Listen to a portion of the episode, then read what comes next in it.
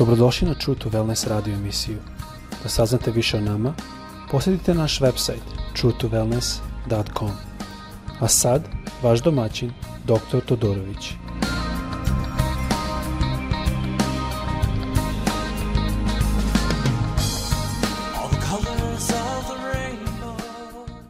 Dobrodošli na naš podcast. Ovo je sada treći del da malo studiramo o Petru i ko je Petar – i stvari koje možemo da vidimo i da naučimo od njega.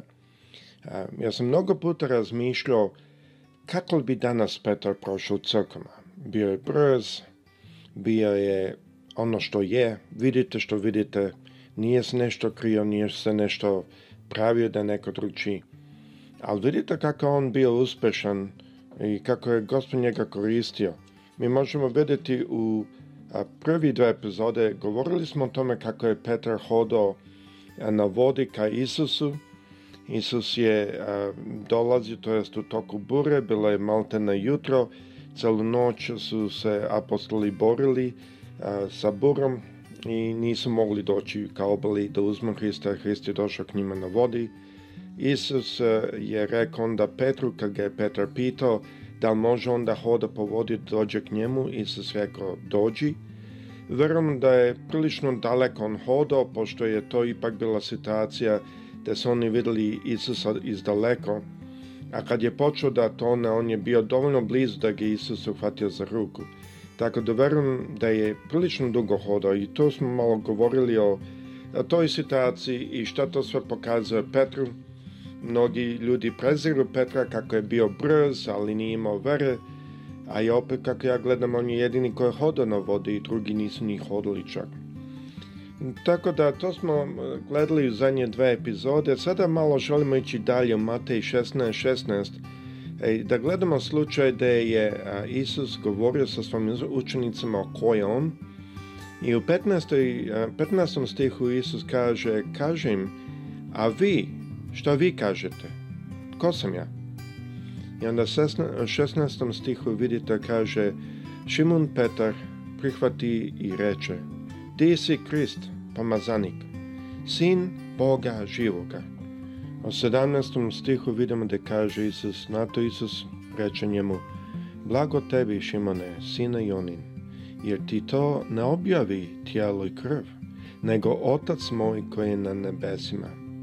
A ja ti kažem, ti si Petar, stjena, na toj stjeni sagradit ću crkvu svoju i vrata paklana neće je nadladati.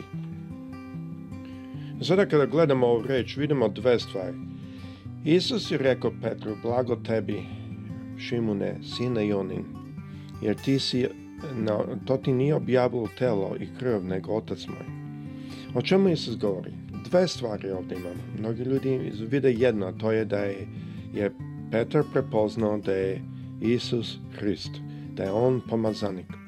Ali morate razumjeti kako je izraelski narod razmišljao o tome. Mnogo puta oni su vidjeli Hrista kao sina Božeg, ali u smislu kao jednog vojvođu, a, nešto u smislu kao Davida.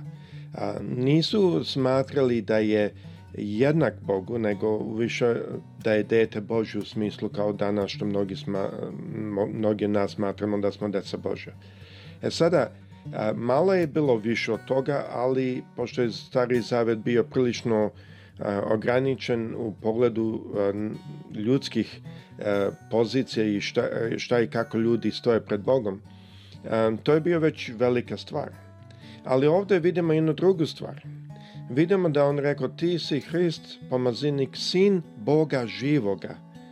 Taj izraz, baš sam skoro čitao i mnogi su pokazali, taj izraz je bio jedinstven, zato što oni nisu očekivali da će Mesaja biti jednak, to je sin Boga živoga, da će to biti baš Bog koji dođe dole u, u, telo, normalno ja verujem u trojstvo, nemojte me pogrešno razumjeti, ali i dalje oni su očekivali više jednog vojvodu, neko koji će dovodi narod e, i pobediti Rimljane, ali nisu shvatili božanski status.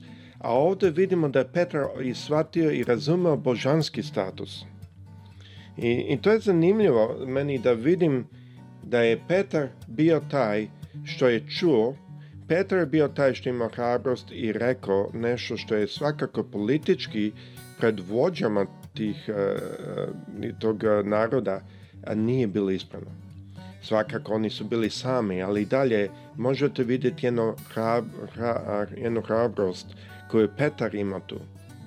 Sada ovdje vidimo, znači u ovoj situaciji Petar imao najjače otkrivenje ko je zaista Hrist kad je došao. Vidimo odmah par stihova kasnije Isus je im je objašnjavao.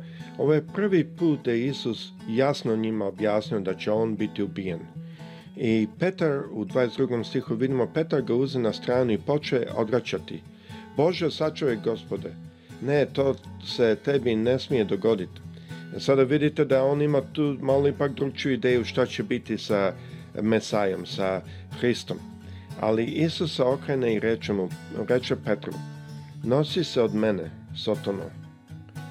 Sablazan si mi, jer ti nije na pameti što je Bože nego što je ljudsko. Sada vidimo ovdje da je Isus u stvari odgovorio i govorio Petru. Nije on rekao da je Petra Sotona, nego je on odgovorio direktno onome koje je koristio Petra. I ovdje vidimo da je on odgovorio, rekao, ne razmišljaš ono što je Bože, nego ono što je ljudsko. Zanimljivo da je Petar dozvolio. Ovdje vidimo u principu samo možda pet stihova, da je prvi put Bog Otac govorio kroz njega i Isus je to ukazao, rekao, ovo ti nije bilo otkriveno od tela i krvi, nego od mog oca.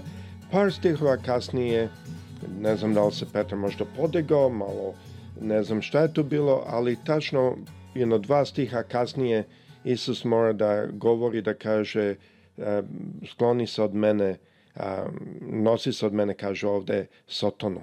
Znači on je govorio onome koji je koristio Petra.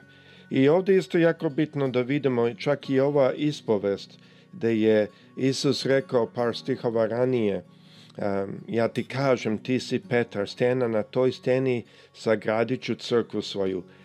Mnogi misle, e, ima čak crkve koje misle da to baš na Petra se odnosi i onda su oni uzeli da njihove vođe su sada Petar, to u toj službi svakako da se to odnosilo na Petra, onda kako bi njihove vođe sada uz, u tu službu. Ovo se ne odnosi na Petra, ovo se odnosi na ispovest koju je on izjavio. Ovo se odnosi na taj e, duh i na taj način na kojem on stoji, da je to stena. duh u kome je on stojio, to je stena koju će on izgraditi crkvu. To mislim da je bitno da se to e, kaže, da se ukaže. Znači da dok čitamo reč Božju u ovom delu vidimo da je Isusova pitanje i Petrov odgovor, pogotovo Petrov odgovor ovdje je bio prilično radikalan za to doba. Može lako da, da su ga čuli saduseji i fariseji da bi on bio u problemu. Ali to je zanimljivo opet sa te strane, jer Isus je ukazao da to nije od tela Isus je ukazao da je to došlo od Oca Nebeskog. I šta je naredna stvar? Isus je promenio Petru ime. To se isto desilo u slučaju Abrahama. I mi vidimo mnogo puta da, da gospod, a, bilo to gospod Isus u ovom slučaju, ali Otac Nebeski, promeni ime nekoga kome će, ko će njemu služiti.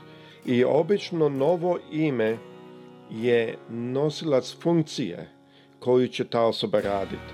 To jest ime reprezentira funkciju. Ovo pokazuje dve stvari.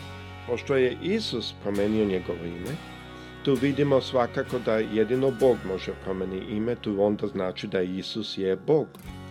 Da Isus nije nekako ispod Boga ili samo neki pomoćni anđeo ili neki prorok, vidimo da je to Isus je Bog i deo Božog, e, Božog trojstva.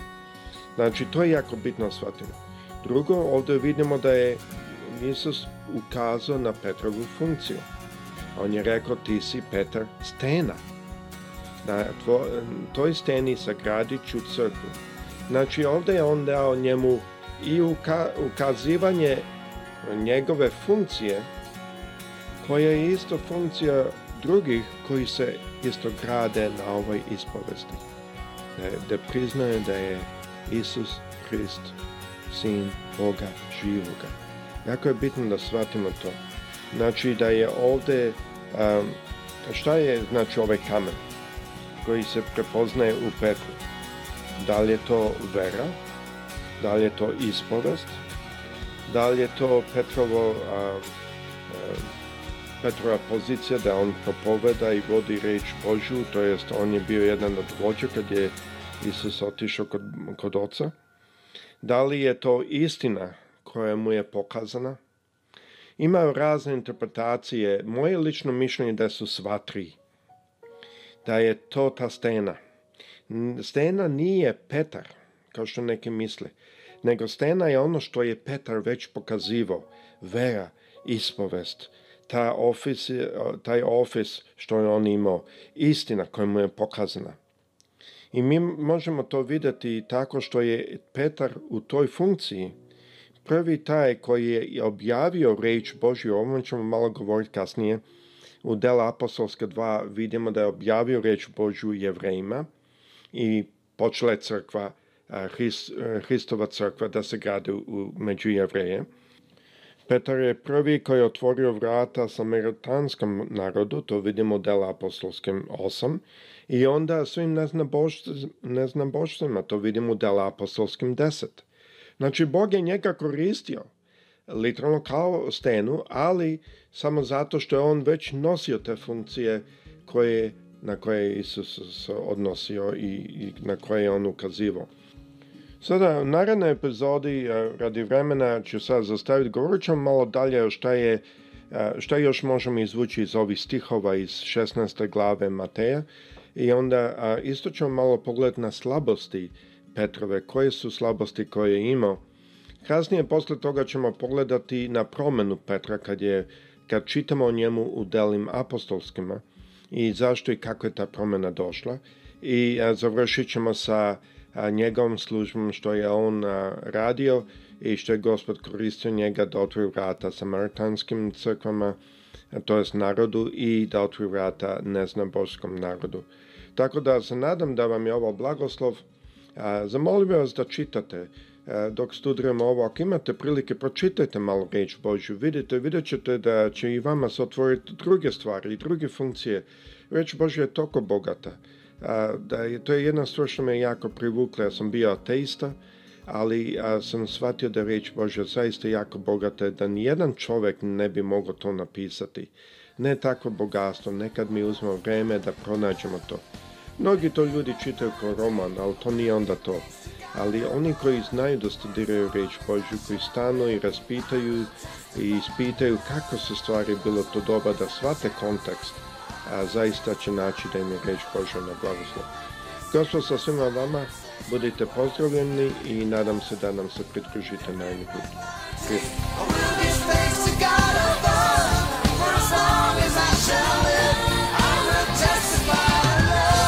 Slušajte True to Wellness radio emisiju. Pridružite nam se ponovo svaki utorak, četvrtak i subotu.